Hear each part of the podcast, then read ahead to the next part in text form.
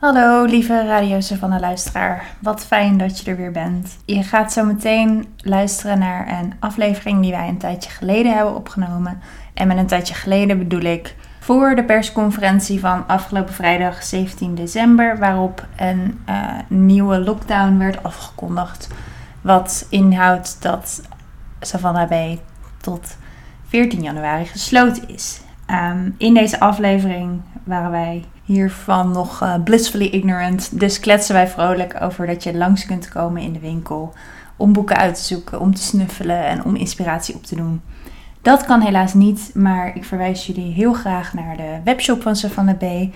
Link staat in de show notes. Daar kun je terecht voor al je cadeautjes, boeken voor jezelf, voor anderen. Uh, en kun je ook rustig snuffelen. Onze fietscouriers rijden in Utrecht rond. Je kunt boeken ophalen, je kunt ze laten opsturen. We zijn voor van alles open, dus uh, weet de webshop te vinden en uh, hopelijk zien we je snel weer.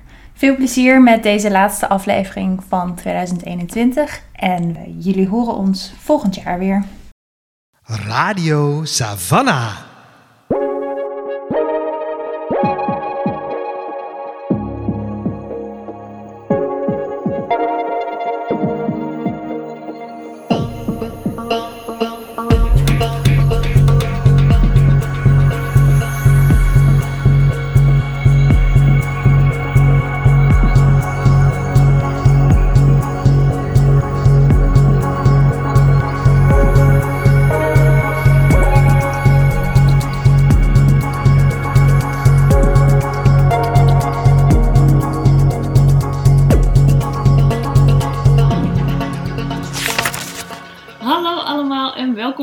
Aflevering van Radio Savannah. Ik ben Suzanne. En ik ben Lola. En hiernaast ons zit... Safitri! Yay! uh, we laten jullie, uh, we vertellen jullie zo meteen wat meer over wie Safitri is en waarom ze hier bij ons zit. Eerst even voor degenen die uh, boekhandel Savannah B misschien niet kennen. We zitten voor het eerst sinds lange tijd weer in de winkel. Als vanouds. Als vanouds. Niet aan de keukentafel in Lombok, niet in uiterlage in uh, publieke ruimte, maar gewoon weer lekker waar onze roots liggen. Uh, Savannah B is een onafhankelijke boekhandel in het centrum van Utrecht. Wij zijn gespecialiseerd in feministische literatuur.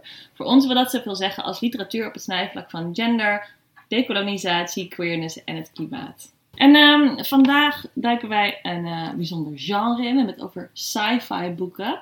En uh, daar konden we natuurlijk niemand anders voor uitnodigen dan onze eigen Stefanie van de Velde. Nou, leuk dat ik er vanavond bij mag zijn. Ik ben heel benieuwd. Superleuk dat je erbij bent. Je stond al zo lang op onze yeah. wishlist. Mm -hmm. Dat was mijn allereerste wishlist die we ooit maakten. Toen we dachten, misschien maken we wel een podcast. Stond jij al op 1, 2, 3 en zo. Ja. Ja, we hebben het er vaker over gehad ja. inderdaad. En toch elke keer te vooruitgeschoven of andere boeken tussendoor. En, uh, ja. ja. Maar je zit hier, we hebben het boek gelezen. Ja, ja. altijd goed. Kun je nog even voor de, voor de mensen thuis vertellen wie jij bent en wat je doet in de winkel? Ja, zeker. Um, nou, ik ben dus Savitri. Ik ben nu twee jaar lang de winkelmanager bij Savannah Bay. Um, en ik doe eigenlijk uh, ja, alles achter de schermen proberen zo goed mogelijk te regelen. in de georganiseerde chaos uh, die het hier is heel veel afwisselende, verschillende taken. En um, um, dat maakt het heel erg leuk. Uh, voor mij vind ik, je hoeft niet uh, meer maar één ding zeg maar, bezig te zijn. Ja, gewoon lekker zelfstandig zeg maar, aan de slag. Je kan heel veel je eigen ding hier doen. Ja, dus ik vind het een hele fijne, prettige omgeving om te werken. Um, ik ga veel plezier naar mijn werk en ik lees graag. Dus ja, dat moet wel uh, als je bij zo'n mannen mee werkt. Um, en ik lees voornamelijk fantasy science fiction. dus er komt in de winkel soms, ja, nou ja we, hebben, we hebben ook echt wel heel veel fantasy science fiction.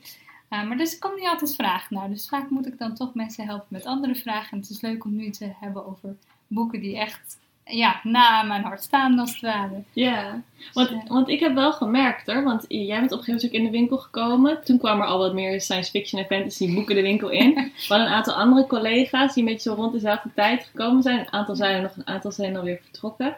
Die er ook interesse in hadden. En sindsdien, volgens mij, is er ook gewoon meer vraag gekomen.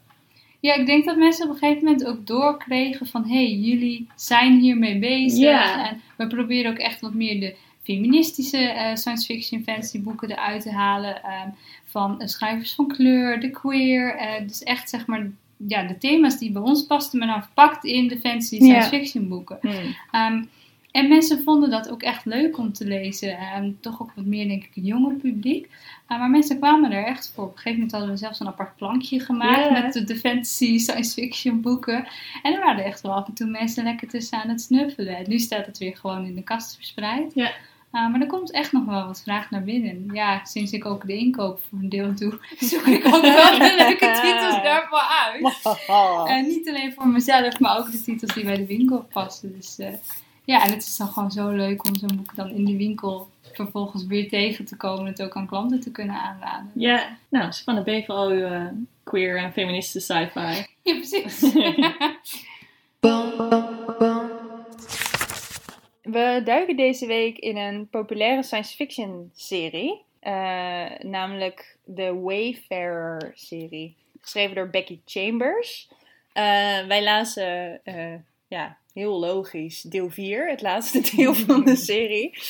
Wat wel een beetje logisch is, want dat is het meest recent uitgekomen. Namelijk begin dit jaar, in februari. Becky Chambers is een Amerikaanse science fiction schrijver die voor de Wayfarers serie de eh, Hugo Award heeft gewonnen. En is nu ook bezig met een nieuwe serie. Wat nog even een leuk detail is over haar leven, is dat haar ouders ook in de ruimte gerelateerde werksfeer zitten. Namelijk eh Net een- als zij. Net als zij, ja, ja, ja. Eh, een van hen is astrobioloog. Haar andere ouder is eh satelliet-engineer. Dus ze wil heel graag naar space ook. Ja. Dat kan misschien ook wel. Eh Savitri, jij bent de enige van ons die ze allemaal gelezen heeft. ja. Kun jij ons een beetje plaatsen in deze wereld? Waar gaat deze serie zo'n beetje over? Ja, nou, elk- er zijn vier delen in deze serie. En elk deel heeft weer nieuwe karakters om te lezen. Dus je kan heel makkelijk eigenlijk de delen los van elkaar lezen. Daar kwamen wij dus ook achter. Als je alleen deel 4 leest, dat is prima. Je mist in die zin niet heel veel. En dat gaat eigenlijk steeds over een, een, een, een groepje mensen, eh, dan wel aliens, die bij elkaar komen in een bepaalde situatie en daar iets mee moeten, als het ware. Het is helemaal niet zo actiegevuld, zeg maar, met eh, space battles en ehm, spanning en sensatie, als het ware. Het zijn juist hele kleine menselijke problemen die, ehm, die ja, eigenlijk op een hele emotionele manier worden besproken en worden opgelost. Ehm, en het eerste boek speelt zich af op een ruimteschip. Het tweede deel speelt zich juist weer af op een planeet. Het derde deel speelt zich af op een vloot ruimteschepen. En het vierde deel speelt zich dan ook weer af op een planeet. Dus het wisselt eigenlijk elkaar Ja. daarin ook een Mhm. beetje af. Ja, en ik denk misschien qua context nogal goed is, we zitten in de verre, verre toekomst. Eh, de aarde is niet meer. Mensen zijn op een gegeven moment naar Mars gegaan. Eh, en toen kwamen de aliens. Dat is eigenlijk wat er is gebeurd.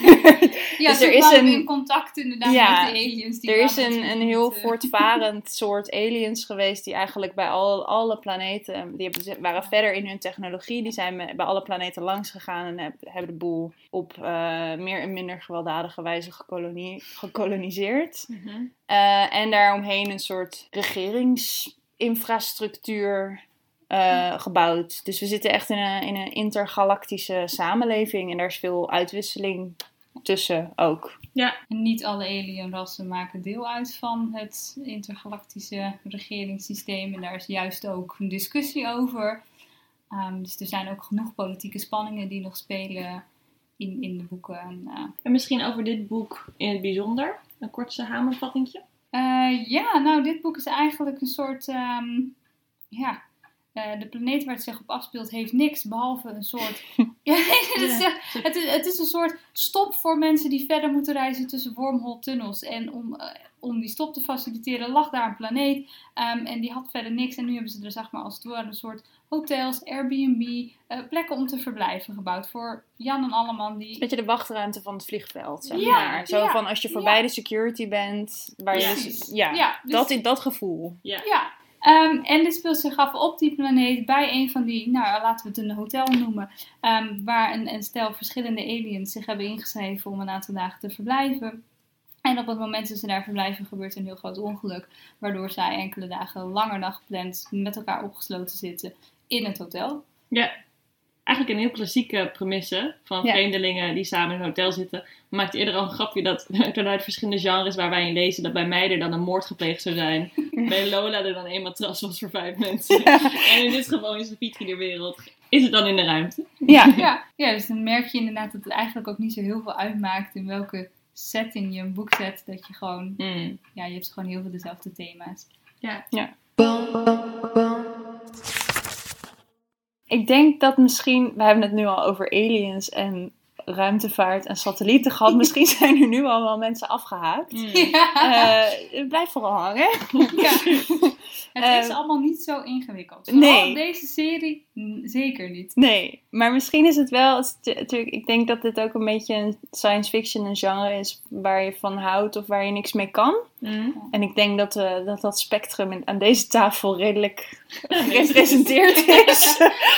Ja, maar Savita, jij bent natuurlijk liefhebber. ja maar ik moet eerlijk bekennen, ik ben dan wel de liefhebber van zeg maar de lichte science fiction. Dus je Mhm. moet bij mij ook niet aankomen zetten met een heel uiteenzetting van hoe een planeet geterraformd wordt. Of hoe dat spaceship precies in elkaar zit en hoeveel firepower iemand heeft, zeg Mm. maar. Dat interesseert mij verder niet zo heel veel.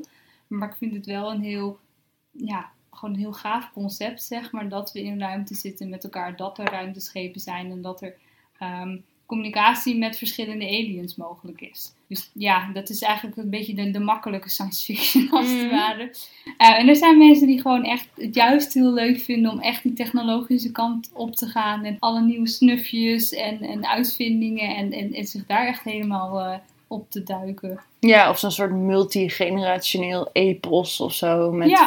50.000 personages. Ja, En, en duizenden jaren geschiedenis en Ja. oorlog en, en weet ik veel wat. Ja. En, en, tuurlijk, die zijn ook hartstikke interessant. We spraken een tijdje geleden ook voor de podcast Aafke Romein. Die schrijft ook science fiction boeken. En die gaf aan, ik ben niet geïnteresseerd in die gadgets. Ik wil alleen maar bespreken wat die gadgets met ons doen. Dus als er een nieuwe innovatie is geweest, hoe verandert dat dan bijvoorbeeld hoe we met elkaar praten? Of welke informatie we toegang moeten hebben? Dat is het gedeelte waar zij geïnteresseerd in is. Ja. Herken jij dat ook? Ja, ik denk het wel. Het is juist het menselijke wat het nog voor mij interessant maakt, zeg maar. Waarom ik erover wil lezen. Het is een, het is een andere setting. Maar het verhaal is eigenlijk hetzelfde als het ware. Hmm. Wat we net ook zeiden. Ja, die vreemdelingen die bij elkaar zitten in een hotel. En, en het maar met elkaar moeten doen, zeg maar. Dat is natuurlijk een heel klassiek concept. En tegelijkertijd is science fiction natuurlijk wel een genre wat de reputatie heeft van dikke pillen. En misschien niet ten onrechte ook hoor, maar... Ja, ik denk ook omdat heel veel mensen bij science fiction meteen denken aan zeg maar echt de grote namen. Weet je, dan krijg je Star Wars, Star Trek. Ja. ehm, en dan heb je daar ook meteen de hele fanbase die er omheen zit, Mm. zeg maar. En ik denk dat mensen daardoor misschien ook een beetje afgehaakt raken. Zo van, oh, maar dan moet ik meteen me helemaal in zo'n zo'n grote wereld eigenlijk zetten. Daar heb ik helemaal geen zin in of geen tijd voor. Eh, Nee, alsof je alles moet lezen om er toegang toe te krijgen dat. of zo. Ja, en alsof je, Ja. ja. alsof je niet gewoon alleen het boek mag hebben gelezen, maar je moet ook per se alle achtergrondboeken hebben gelezen Ja. en onderzoek hebben gedaan en, en alle theorieën op het internet hebben gelezen. Eh, dus ja, er komt dan zoveel bij kijken, wat natuurlijk helemaal niet hoeft. Ja. Nee. Maar is dit boek dan ook, eh, we gaan het er echt nog wel langer meer over hebben, maar is dit boek dan een soort uitzondering ook voor jouw gevoel binnen het genre? Ik vind het wel echt een frisse wind en weer een frisse Hm. kijk. De manier waarop zij schrijft is eigenlijk heel rustig. Er gebeurt ja, qua, qua actie zeg maar eigenlijk heel weinig. Er zit heel weinig cliffhangers en dergelijke zitten erin. Dus eigenlijk voor mijn gevoel keert ze weer terug naar de, echt de oudere science fiction zeg maar. Die ook heel langzaam van opbouw was. En echt Ja. ja, maar dat contact, zeg maar, dat eerste contact tussen een mens en een alien, zeg maar, en, en dat uitzetten, daar nam- namen mensen ook gewoon de tijd voor. En, en dat was niet meteen, eh, we schieten erop, of eh, we explore space, of wat dan ook. Hm. Ah, en dat doet dit boek, vind ik ook gewoon heel goed. Deze hele serie eigenlijk. Ja, gewoon als stilstaan bij het feit dat er contact is met aliens, dat dat op zichzelf al wonderlijk genoeg is om als Ja. verwondering voor het hele boek te dienen. Ja, en de aliens en de, de wereld, de geschiedenis is ontzettend goed uitgewerkt voor mijn gevoel. Maar je wordt niet overladen met emoties. Of je krijgt niet pagina's lang dat je eerst over hoe ze deze alien in elkaar moet lezen of zo. Het wordt door het verhaal heen duidelijk gemaakt welke trekjes, welke kenmerken, wat is de cultuur, de society zeg maar van zo'n alienras. Um, en juist omdat je het ook meekrijgt vanuit, verschillende gezichtspunten krijg je een heel compleet plaatje eigenlijk. Ja. Wat me hier ook heel erg aan opviel bij, bij fantasy boeken, dan bij die grotere verhalen wel die conventie dat er dan een soort landkaart in het begin zit of een namenlijst aan het eind of Oh, zo. Dat is hier echt totaal niet. Je kan, of, of een soort technische uitleg van de terminologie of van welke ras of van welke planeet komt. Dus eigenlijk helemaal niet. Het is wel belangrijk, maar het is niet. Ze legt sommige dingen ook volgens mij expres gewoon niet uit. Nee. Ehm, er is een, een variant van koffie, ik ben even de naam kwijt. Mac?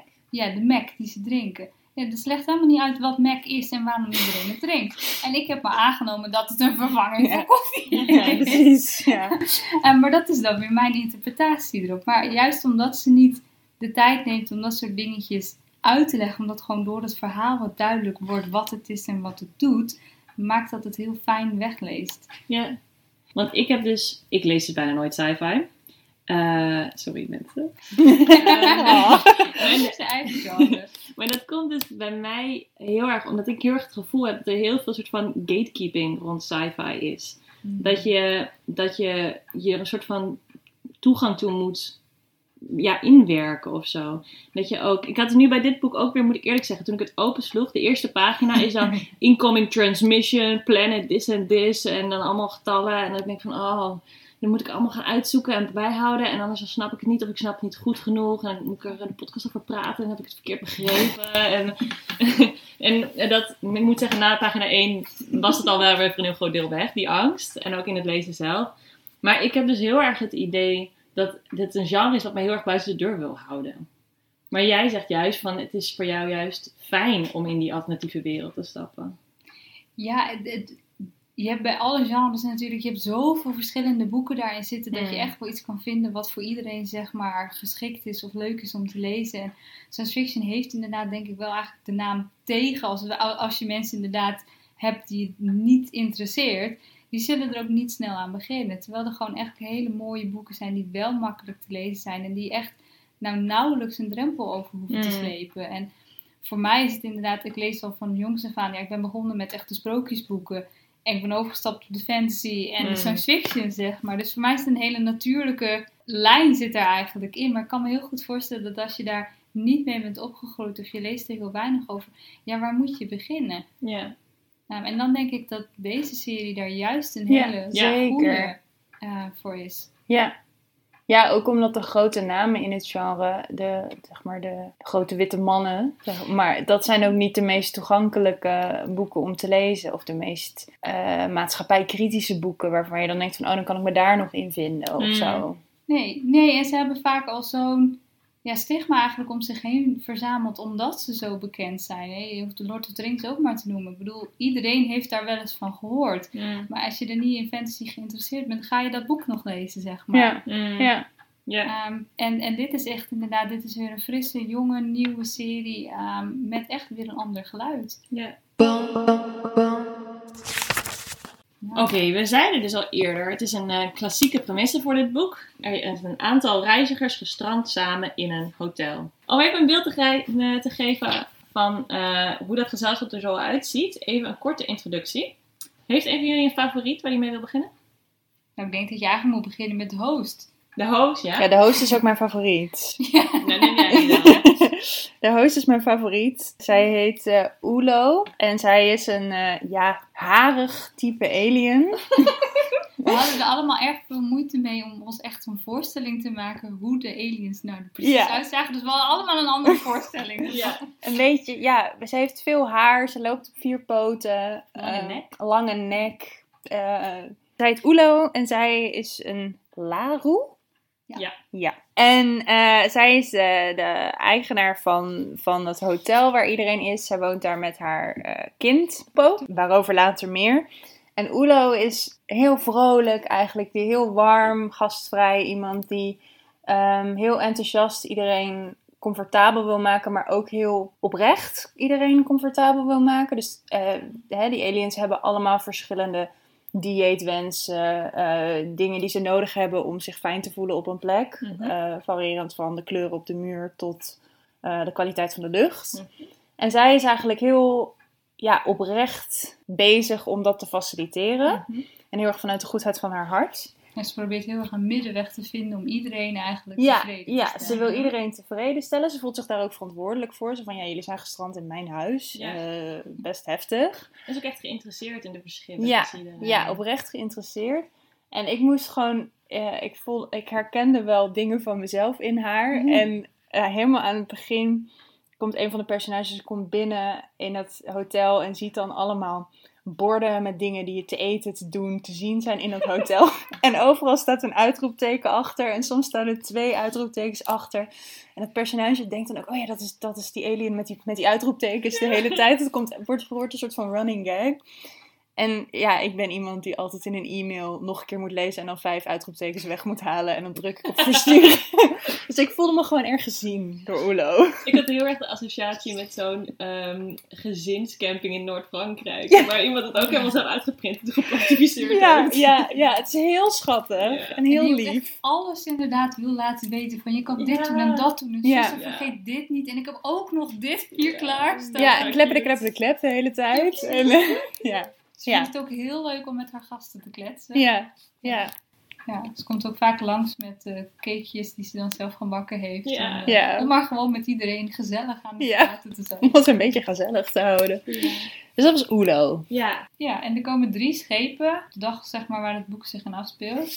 Dus je hebt eigenlijk drie verschillende aliens die eh, dan langskomen. Eh ja, de eerste waar je over leest is Speaker. En Speaker is een alien waar eigenlijk de andere aliens ook nog niet zoveel over weten. Mm.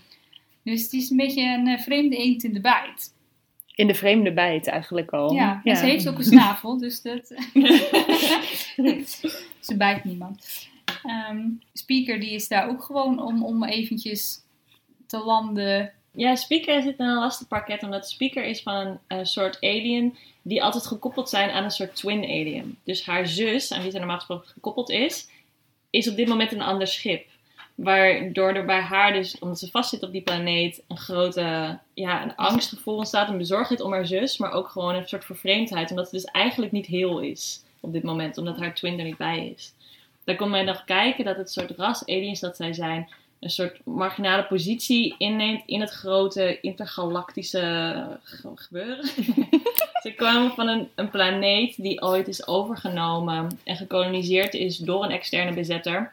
En ze zien eigenlijk als gemarginaliseerde groep door het heelal zwerven, dus zonder thuisbasis. Waardoor ze een soort van aan de marge zijn geraakt, waardoor ze zijn weggezet als criminelen, niet te vertrouwen.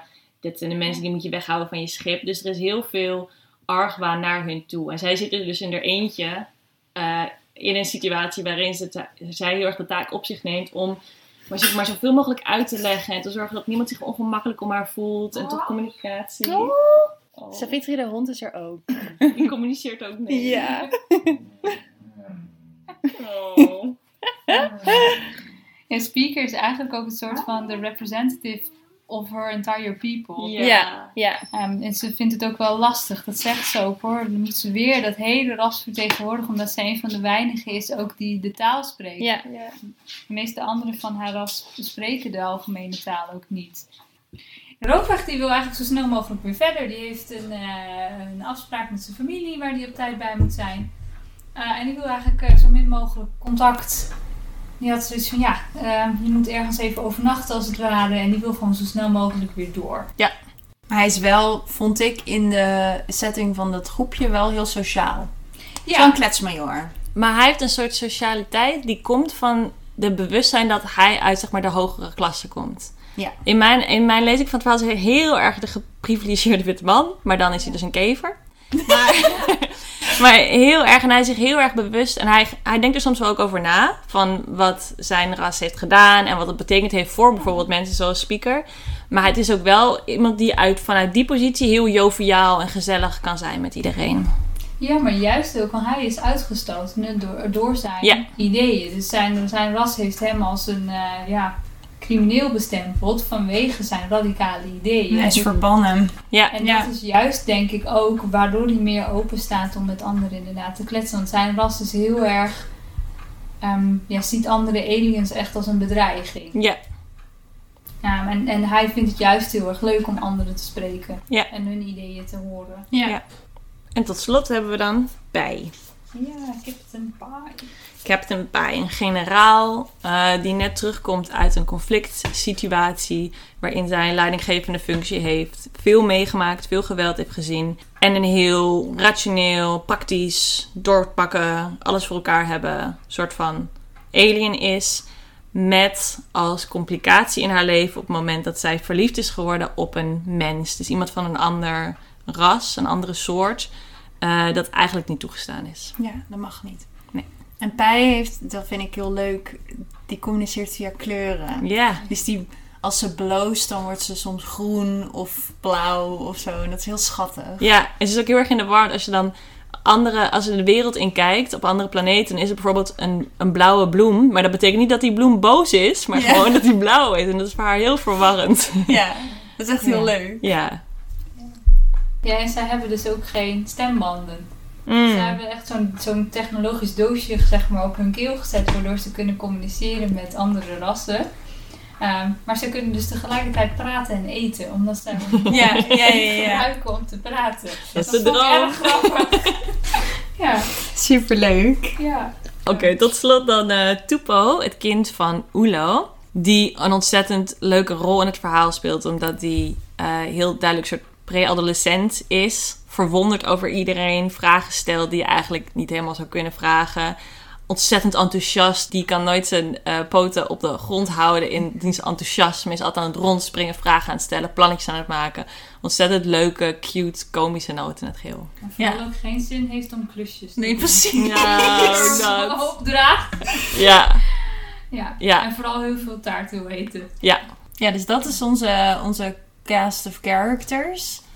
En eigenlijk wat er dan dus gebeurt in het verhaal is dat het, er is dus een... eh, in de ruimte is er even de boel een beetje mis.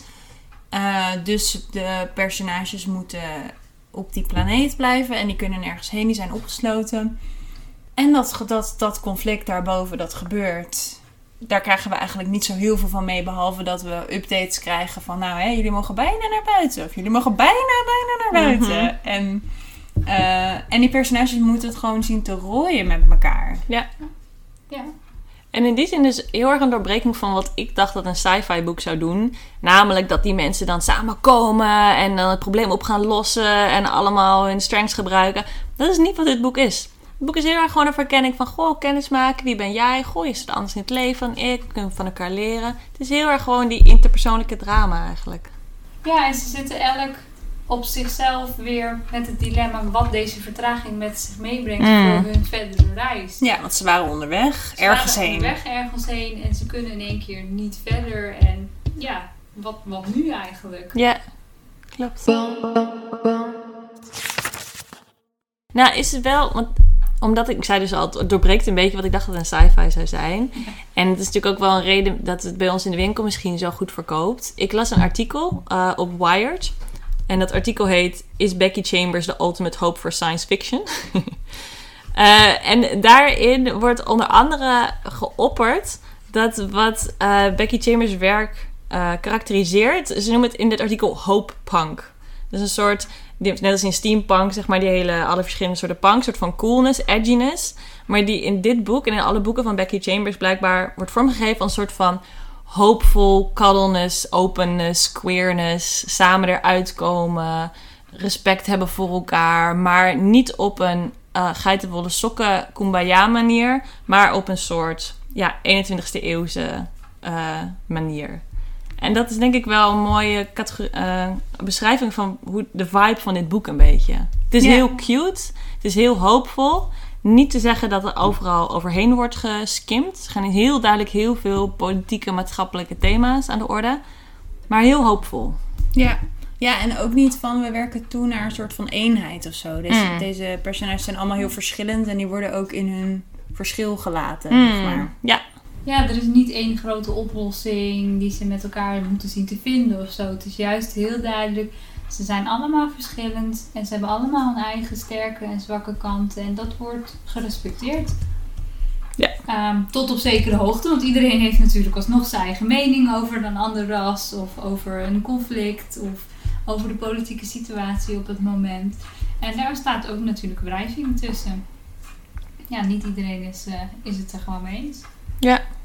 En je kan er heel veel uit meenemen. Juist omdat Becky Chambers de tijd neemt om haar karakters heel erg ehm, vol emotie eigenlijk te stoppen. En, en, en het schrijftempo wat lager ligt, zeg maar, dan echt een, een actiegevuld Mhm. boek. eh, kan ze heel erg de diepte ingaan, maar op een, hele, ja, op een hele gemakkelijke manier als het ware. Het voelt niet zwaar, het voelt niet beladen, maar het voelt heel erg compleet, heel rond. Ehm, en op die manier weet ze juist een, een heel aantal echt grote thema's herkenbaar te maken en ook ja, hapklaar als het ware. Mhm. Mhm. En waarom denk je dan dat... Denken we? Het interview Het geworden. interview. Eh, eh, is er dan iets in science fiction wat dat specifiek goed kan doen?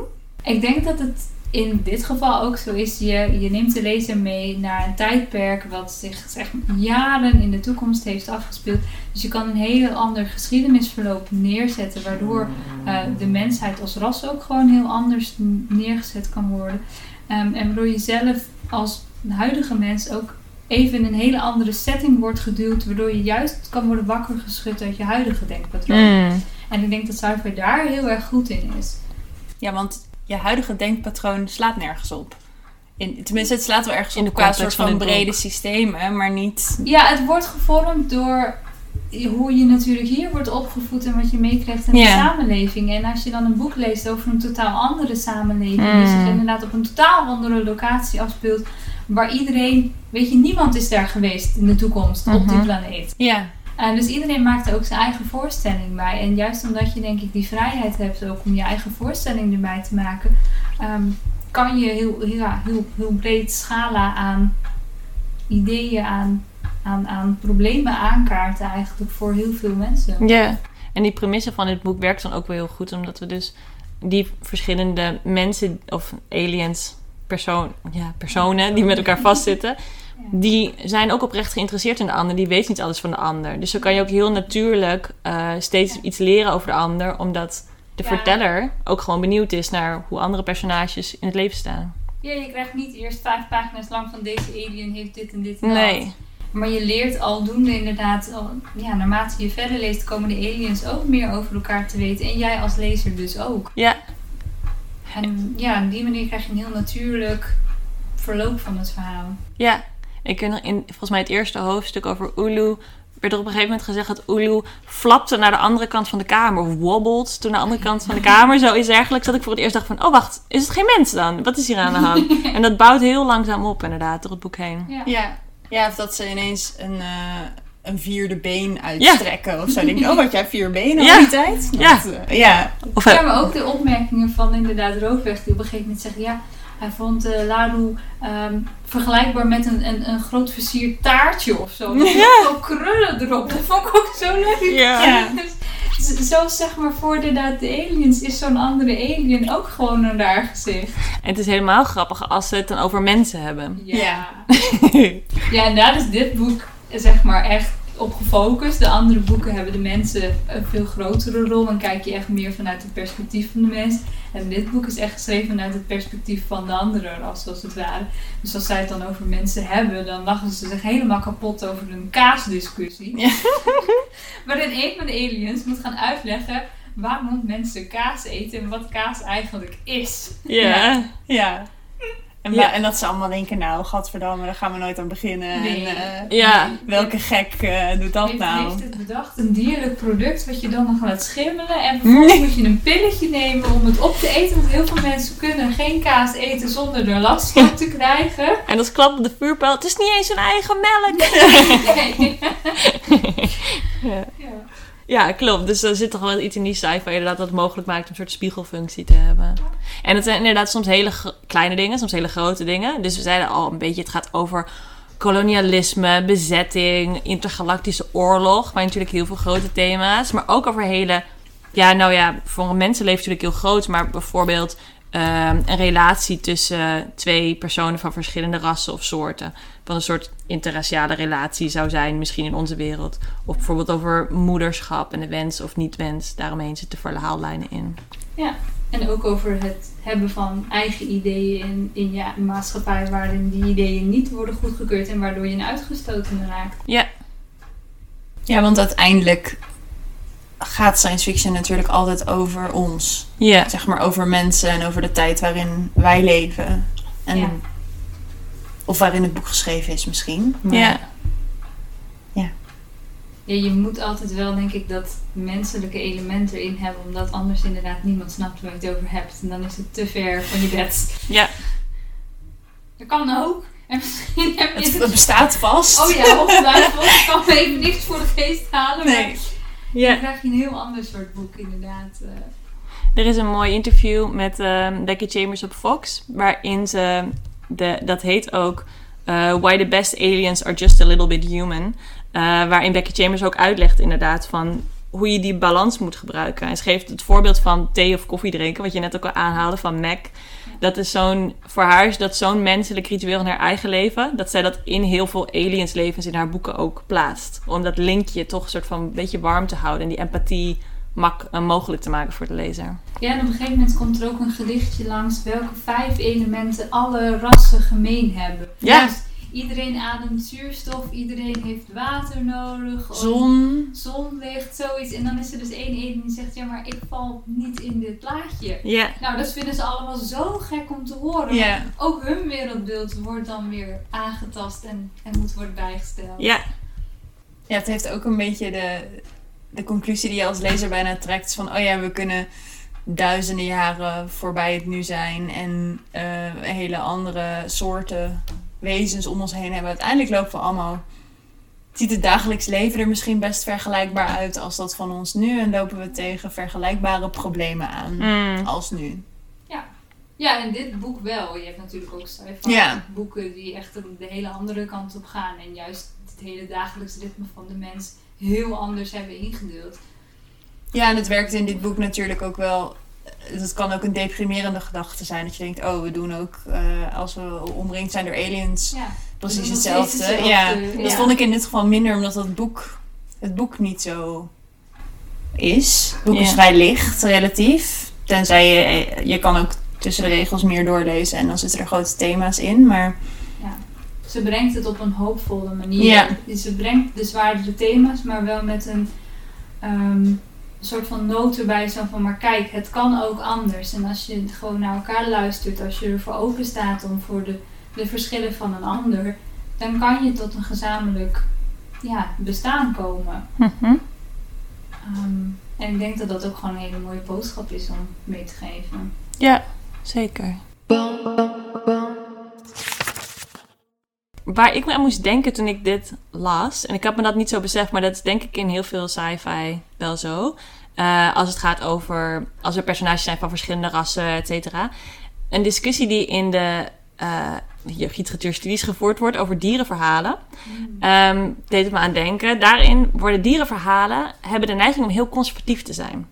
En dat zit er vaak in omdat als we iets in de dierenwereld plaatsen, dan gaan we doen alsof dingen natuurlijk zijn en gegeven zijn en dat ze daarom niet te veranderen zijn. Dus bijvoorbeeld dat een konijn wortel eet, dat is gewoon zo. En dat een konijn alleen met een ander konijn kinderen kan krijgen, dat is een biologisch feit. En daardoor verschuilen er heel veel, eh, zeg maar, queer elementen bijvoorbeeld naar de achtergrond, omdat het gewoon binnen een biologische dierenwereld niet mogelijk is. Of bijvoorbeeld dat binnen het ge- gezin van eh, Pieter Konijn de moeder voor de kindjes zorgt.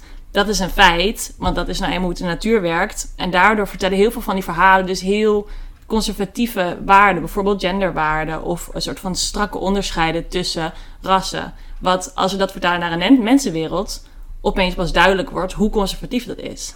En ik vroeg me af of dat principe ook niet heel erg ingebakken zit in sci-fi in het algemeen en ook een beetje in dit boek. Ik denk juist dat je met science fiction dat patroon kan doorbreken, omdat je zeg maar een heel nieuw alienras kan neerzetten. Dus je kan alle conventies doorbreken als het ware, door gewoon iets heel nieuws op te bouwen. Niemand kent dat alienras waar je het over hebt, want Mhm. jij schrijft er voor het eerst over. Dus je kan het zo inkleuren als je wil. En juist wat Becky Chambers ook doet, ehm, elk van haar rassen heeft een andere manier om naar moederschap te kijken, naar kinderen krijgen, naar opvoeden bijvoorbeeld. Ehm, en daar, er is niet één manier in.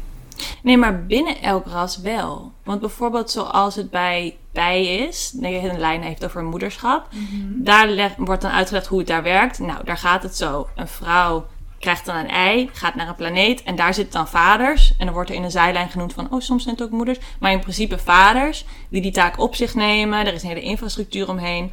En dat staat op zich vast. Maar is het niet gewoon ook allebei? Zo van, aan de ene kant kan je met een alien helemaal losgaan en kan je zeggen, nou, de, de, de soort van structuren die we vanuit hier kennen, nemen we niet mee. Want die kunnen we loslaten, want aliens zijn niet echt, dus ik kan doen wat ik wil. Als schrijver. Eh, maar tegelijkertijd schrijf je vanuit die structuren waar je in zit. En is het misschien ook wel logisch dat je er wat van meeneemt. En kan het ook heel conservatief zijn en essentialistisch? Ik denk dat het allebei is. Ja, ik heb dus weinig eh, grondervaring, omdat ik weinig sci-fi lees. maar ik kan me zo voorstellen dat als sci-fi gaat over een ontmoeting tussen verschillende rassen, dat dat dan de diversiteit is. En dat dan binnen elk ras er een soort van, ja, dat is nou eenmaal hoe de Laru het doen. En dit is hoe de Klinklingen doen. En dit is hoe de... Maar zelfs zeg maar binnen Becky Chambers, de boeken, Pai heeft er ook al een andere mening over. Ja, Dus ja, ze zetten inderdaad wel neer van, hé, hey, als zo is dit, dit idee heeft dit ras, zeg maar. Maar daarbinnen pakken ze dan wel ook weer individuen eruit die daar een andere mening over hebben. En met dierenverhalen kan je dat denk ik wat moeilijker doen, omdat mensen dieren natuurlijk ook al echt goed kennen. Dus die Mm. hebben daar zelf ook wel een eigen Ja. invulling over. Die gaan een biologieboek erop naslaan. Precies, Ja. die denken, ja, weet je, eh, eh, moeder konijn kan wel zeg maar zeggen dat ze wil gaan werken of zo. Maar ja, zo gebeurt dat in de natuur niet. Mm, Ja. ja. Dus ik denk dat je het daar moeilijker los kan laten. Of dat je het, als je het omdraait, kan zeggen dat dierenverhalen juist geschikt zijn om inderdaad die rolpatronen duidelijk te maken. En dat je dat met sci-fi misschien wat meer kan loslaten. Mm. Maar ook Maar- met science fiction zit je vast natuurlijk in bepaalde thema's of emoties die je beschrijft. Mhm. Ja. ja, en ik denk wel, dat is, eh, dit is een klein zijsprongetje, maar wat er ook wel over bijvoorbeeld Game of Thrones werd gezegd. Van dan creëer je een hele eh, andere wereld met draken en weet ik veel wat Mhm. allemaal. En toch ga- is er alleen maar seksueel geweld tegen vrouwen. En Ja. is het één groot... Als auteur heb je aan de ene kant heel veel ruimte, hè, maar die moet je wel nemen. Ja. Ik denk dat eigenlijk de meeste genres, dat je eigenlijk alle kanten op kan gaan. Ja. ja. ja, maar bijvoorbeeld in dierenverhalen zou je van alles kunnen doen. Maar Dat zie je dat het bijna niet Ja, gebeurt. precies. Nee. Nee, dus je kan wel alle kanten op, maar vaak inderdaad heb je dan toch wel een genre wat geschikt is voor... Ja, dan kiezen ze dat. toch de George R. R. Martin route van bevestigen wat er al is. Ja. Want een van de elementen in dit boek, wat eigenlijk helemaal niet zo'n grote rol speelt, maar er zit een soort gender-idee in dit boek, wat heel stil eh, subversief is eigenlijk. Dus in, in dit boek, en ik neem aan in de hele wereld van, van Becky Chambers, eh, wordt iedereen geboren zonder toegewezen gender. Wordt er ook genderneutrale pronouns gebruikt. Xiek, ze en xeer. En ehm, wordt er op een gegeven moment, als een kind dan volwassen aan het worden is, zelf gekozen welke gender en dan veranderen de pronouns ook. En dat wordt heel stilletjes. wisselt per ras. Mm. Dus sommige rassen hebben inderdaad wel duidelijk, zeg maar, mannetjes, vrouwtjes. Ehm, maar sommige rassen kunnen wisselen tussen mannetjes en Mm. vrouwtjes. Sommige hebben inderdaad gewoon non-binair ertussen zitten. En sommige hebben inderdaad non-binaire kinderen die dan kiezen of ze inderdaad een mannetje of een Mm. vrouwtje worden. En volgens mij zijn de mensen... Nou, nee, volgens mij heb je wel de meerdere rassen die wel ook echt, zeg maar, gewoon nog de dualiteit erin hebben. Maar je hebt ook gewoon nog één rassen die veel meer dan twee of drie, ehm, zeg maar, identiteiten hebben. Mm. Ja, ja, daar wordt wel mee gespeeld. ja, Ook in dat eerste boek eh, ja, zat dat toen. Ja, zit ja. ook al... eh, ja. Want dat lijkt me een van die keuzes inderdaad die je kan maken. En die Becky Chambers hier ook gewoon maakt en doorvoert. En die eigenlijk helemaal niet een, een revelation of zo is in het boek. Het is gewoon iets waar je zo op een gegeven moment achter komt. En wat ze wel heel goed doet, is dat ze eigenlijk elk van haar karakters eh, heeft door. Je kan er niet van uitgaan dat iemand maar een vrouwtje is. Mm. Dat jouw beeld van wat een vrouwtje is, zeg maar, het, het gangbare niveau is, als het ware. Dus elk van haar karakters moet inderdaad wel aan de andere personages die ze tegenkomen eigenlijk vragen van... Hé, hey, hoe kan ik jou het beste aanspreken? Ja, En dat is natuurlijk eigenlijk wat je hier ook zou willen doen. Hè? Dat je aan iedereen kan vragen: hé, hey, waar ben je comfortabel mee? Waar zou je mee willen worden aangesproken? ja. Ja, en die ze mo- modelleert ze dat? Is dat hoe je dat zegt? Geeft ze daar een soort model van? Van hoe zou het eruit zien als we dat altijd zouden doen? Ja, en als ze er niet de hele tijd zo boos over Ja. zouden zijn. Nee, nee, omdat het hier heel erg geaccepteerd is. Omdat inderdaad ook Evenelas zijn eigen ja, Ja, ja. heeft. Willen we nog iets kwijt? Ja, tips? Ja, dat is het Lees misschien. allemaal dit boek. Die hele serie. Heb je een favoriet boek in deze serie? Hmm, ik vind deel 1 heel mooi, maar ik vond deel 4, die heb ik natuurlijk net onlangs gelezen en die vind ik toch ook wel heel erg mooi. Juist omdat hij niet vanuit het menselijk perspectief Ja, dat is wel echt cool, is. hè? Ik denk dat dat, Ja. ja. dat vind ik wel echt een van de mooie dingen eraan. En dat het toch zo herkenbaar is. Ja. Dus begin bij boek 1 of boek 4. Nee, begin bij boek 1. Oh, oké. Ja, ik ben echt een stickler voor dat je gewoon met de volgorde moet lezen. Eh, omdat een auteur vaak toch het op die manier ook bedoeld heeft, zeg maar. Ja. En dat je net, net die kleine stukjes informatie die in deel 1 voorkomen, kan je dan in deel 4 weer meenemen. Je mist niks als je bij deel 4 begint. Maar Nee. ik denk wel dat je gewoon de, he- de hele arc, zeg maar, is het mooiste als je het gewoon van 1 tot 4 leest. Ja. En als mensen nou toch gelezen hebben of niet per se geïnteresseerd zijn in Becky Chambers, heb je misschien andere leuke tips voor fijne Savannah B-achtige sci-fi boeken? Lesbische Necromancers in Space. Eh, Gideon the Ninth van Thompson weer. Ehm, die is vorig jaar verschenen. Ehm, en dat vond ik echt een geweldig boek. Ehm, ja, het, het zegt het eigenlijk alles. Necromancers, lesbische necromancers in space. Die een oud vervallen kasteel aan het ontdekken zijn. En ondertussen eigenlijk een heel groot moordmysterie aan het oplossen zijn. En voor hun leven moeten vechten. Nou, wat wil je nog meer? het is wel, een, een- dat is wel echt een wat meer sci-fi boek. Vooral het tweede deel, dat is net uitgekomen. Ik ben hem gaan lezen, dus daar kan ik ook niet over spoilen. Ehm, maar zij speelt ook zo ontzettend met verschillende tijdlijnen, eh, verschillende planeten en, en, en ja, heel mooi gedaan. En een tweede tip. Fifth Season, Jamison. Mhm. Broken Earth trilogie.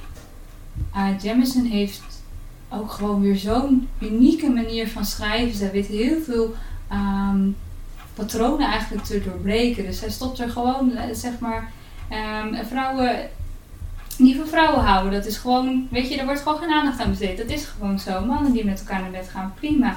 Ehm, en een drietal, zeg maar, dat met elkaar een relatie opbouwt, daar hoeft ook geen aandacht aan worden besteed. Dat is gewoon zo. Uh, en ondertussen brengt ze eigenlijk nog het hele zware thema van gewoon onderdrukking, uh, racisme, speelt door haar hele reeks heen een enorm grote rol. Hmm. Um, en dat in een post-apocalyptische setting waarin de wereld vergaat en mensen moeten vechten om te blijven bestaan. Dus dat is wel echt ook een wat zwaarder, donker boek, maar ontzettend mooi geschreven. Hmm. Ja. Lola, heb jij nog tips? Ja, natuurlijk. Eh Enke Jemison, waar Svitri net dus ook al naar verwees, heeft ook een nieuwe serie geschreven. Die heet... eh, nou, ik weet eigenlijk niet hoe die heet. Het boek heet in ieder geval The City We Became. Eh, en dat is iets meer in de fantasy hoek, denk ik. En speelt zich wel af op deze planeet en in deze wereld. En gaat over wat gebeurt er als eh, grote steden, dus echt grote steden, Sao Paulo, New York, dat soort plekken. Een ehm, menselijke avatar eigenlijk uitkiezen en die nodig hebben om te overleven als stad. En om zichzelf te beschermen tegen nou ja, allerlei invloeden. En dat is ook een heel kritisch verhaal, eh, maar ook heel liefdevol tegen de stad en de, over de verschillende mensen die daar rondlopen en hoe ze zich tot elkaar verhouden, hoe ze met elkaar in gesprek gaan, maar hoe ze ook soms, eh, waar dit boek iedereen eigenlijk elkaar vindt, eh, is dat bij Enke Jameson niet per se zo. Op een gegeven moment komen er toch ook wel wat onoverbrugbare eh, conflicten. Ehm, dus die vond ik heel mooi. En terwijl we aan het praten waren, dacht ik, als je dan toch een klassiek sci-fi boek wil lezen, kan je ook Frankenstein lezen Mhm. van Mary Shelley. En dan misschien daarna Janet Winterson, Mhm. Frankenstein. Eh, maar dat is wel ook het type science fiction, allebei wat meer in, het, in deze wereld ook gegrond is. Mary Shelley is natuurlijk echt een heel 19e eeuw.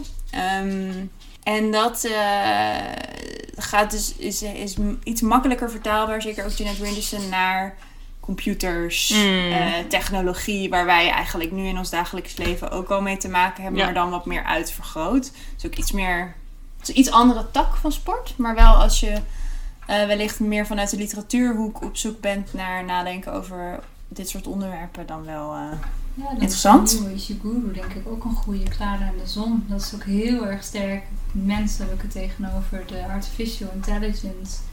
En ook het genetisch manipuleren van mensen. Ja. En als je de, de, de feministische science fiction klassiekers wil lezen, eh, is Ursula K. Le Guin is een hele bekende. Octavia Butler. En net dit jaar, vorig jaar uitgekomen Priory of the Orange Tree. Ja. Dat als de feministische Game of Thrones wordt aangeprezen. Niet zo pretentieus als Game of Thrones met zeven of meer delen. Nee, en veel minder rapey, dus... eh, Ja. Ook niet zo heel moeilijk. Nee. en kom een keer langs in de winkel. Dan raden we allemaal dingen aan. ja. Er staat hier van allerlei leuks. En ja, nou neem vooral ook een kijkje in onze webshop onder de categorie Fantasy Science Fiction om nog meer tips en ideeën op te doen. Wat ik wel heel interessant vind om gewoon nog even te melden, is het feit dat Becky Chambers haar eerste boek gefinancierd heeft door middel van een crowdfunding actie. Ja. Ehm, en dat het dus nu echt een goed lopende serie is. Dat zij echt nu benaamsbekendheid heeft gekregen. Maar dat ze dus echt voor het eerste boek nog heeft gestruggeld om alles bij elkaar te krijgen om het maar te kunnen schrijven. En dat ze ook echt moest kiezen van ga ik er nu, nu voor om te schrijven of ga ik zeg maar echt met mijn baan verder zodat ik gewoon die geldinkomsten heeft. En dat ze toch ervoor is gekozen om te gaan schrijven. Dat er dan zo'n mooie serie uit is gekomen. Ja. Mag ik nog een tip geven? Nee, ik, ik heb nog een tip. Namelijk eh Oh. Binti van Nedi Okorafor. Dat was eerst een novelle en toen heeft ze er wat dingen aangeplakt. En nu is het, kan je een soort van collectie kopen waar al het werk over dit personage in zit. En dat is ook een situatie van ineens zijn we op een andere planeet en moeten we contact maken. En nou ja, Ja. die kant op. Eh, en Nedi Okorafor heeft ook Who Fears Death geschreven. Die is ook heel mooi. Ja, en dat is misschien ook wel interessant te benoemen in de winkel, maar over het algemeen is er ook een hele um, traditie uh, aan het ontstaan, die zich verder aan het ontwikkelen van um, afrofeministische, afrofuturism boeken. Die ook specifiek ingaan op de Afrikaanse roots. Uh, geprojecteerd naar of verbeeld naar een toekomstbeeld. Waarin dus heel andere soort van uh, communities en thema's ook weer naar boven komen. Dus een interessante lijn om in te duiken als je dat leuk vindt. Ja, en ook deels ontstaan als reactie op witte science fiction makers. Waar dan vervolgens geen zwarte personages of überhaupt personages van kleur. Alsof je er niet bent in de toekomst, Ja. zeg maar. Of alleen maar als onderdrukte rassen. Ja, Ja. ja. Side note. eh, Ja. Ja, Dus dat is heel interessant. We hebben een aantal titels ervan. N.K. Jemisin heeft eh, een boekje geschreven dat heet How Long Till Black Future Month. Dat is meer essayistisch ingaand op die vraag. Ehm, ja, heel boeiend. Ja. Als je van Janelle Monet houdt, yes. die past ook in dat straatje. Ja, ja, er komt ook in de fantasy, merk ik, No? steeds meer, niet alleen feminisme, maar ook queer, zeg maar, krijgt er echt een grote rol in. En dat vind ik heel mooi om te zien. Ja. Dat die vertaalslag eindelijk wordt gemaakt. Ja, dat mensen gebruik maken van dat je letterlijk alles kan doen wat je wil. Ja. Ja, en dat er nu ook dus echt platforms voor zijn om die boeken uit te geven. Ja, In plaats ja. van dat het eigenlijk als een soort van fanfiction rondzwerft op het internet, zeg maar. En je er specifiek naar moet zoeken. Maar dat het nu gewoon echt wat meer mainstream aan het worden is. En dat daar ruimte voor is, dat er vraag naar is. En, Ja. en dat er plekken zoals Savannah zijn om die boeken een thuis te geven. ja. Dus kom lekker langs in de winkel, mensen. Get your queer sci-fi here. Daarmee komen we aan het einde van deze aflevering van Radio Savannah. Voordat we onze huishoudelijke mededelingen op jullie afsturen. In eerste instantie natuurlijk. Dankjewel, Sapitri. dankjewel dat je er was. dat je meegelezen, meegekletst hebt. Al je sci-fi kennis in de strijd hebt gegooid. Nou, dankjewel voor jullie uitnodiging. Ik hoop dat het een eh, mooie aflevering wordt. En eh, ja, dat jullie als luisteraar er ook wat aan hebben. En eh, weer mooie tips om verder te lezen. Ja, zeker. Dankjewel, Missy, aan de hond, voor je geduld op de achtergrond. Zometeen lekker naar huis. Ja, als je gepiep op de achtergrond hoort. Als je het een leuke aflevering vond, als je door wil kletsen over sci-fi, feministische toekomsten, afrofuturistische toekomsten, eh, laat het ons weten. Hashtag Radio Savannah op alle socials van het Boekhandel Savannah B. Klets je met ons mee. Kom langs in de winkel voor meer tips en om je eigen boeken op te komen pikken over dit onderwerp in dit genre. Wij eh, bedanken zoals altijd Gooflux voor het maken van onze intromuziek en voor eh, de sound effectjes die je door deze aflevering heen hoort. Pew pew pew. Wij bedanken eh, Rieke Bloem voor het maken van ons logo. Wij bedanken jullie voor het luisteren. Mhm. En eh, tot de volgende keer. Bye. Dag!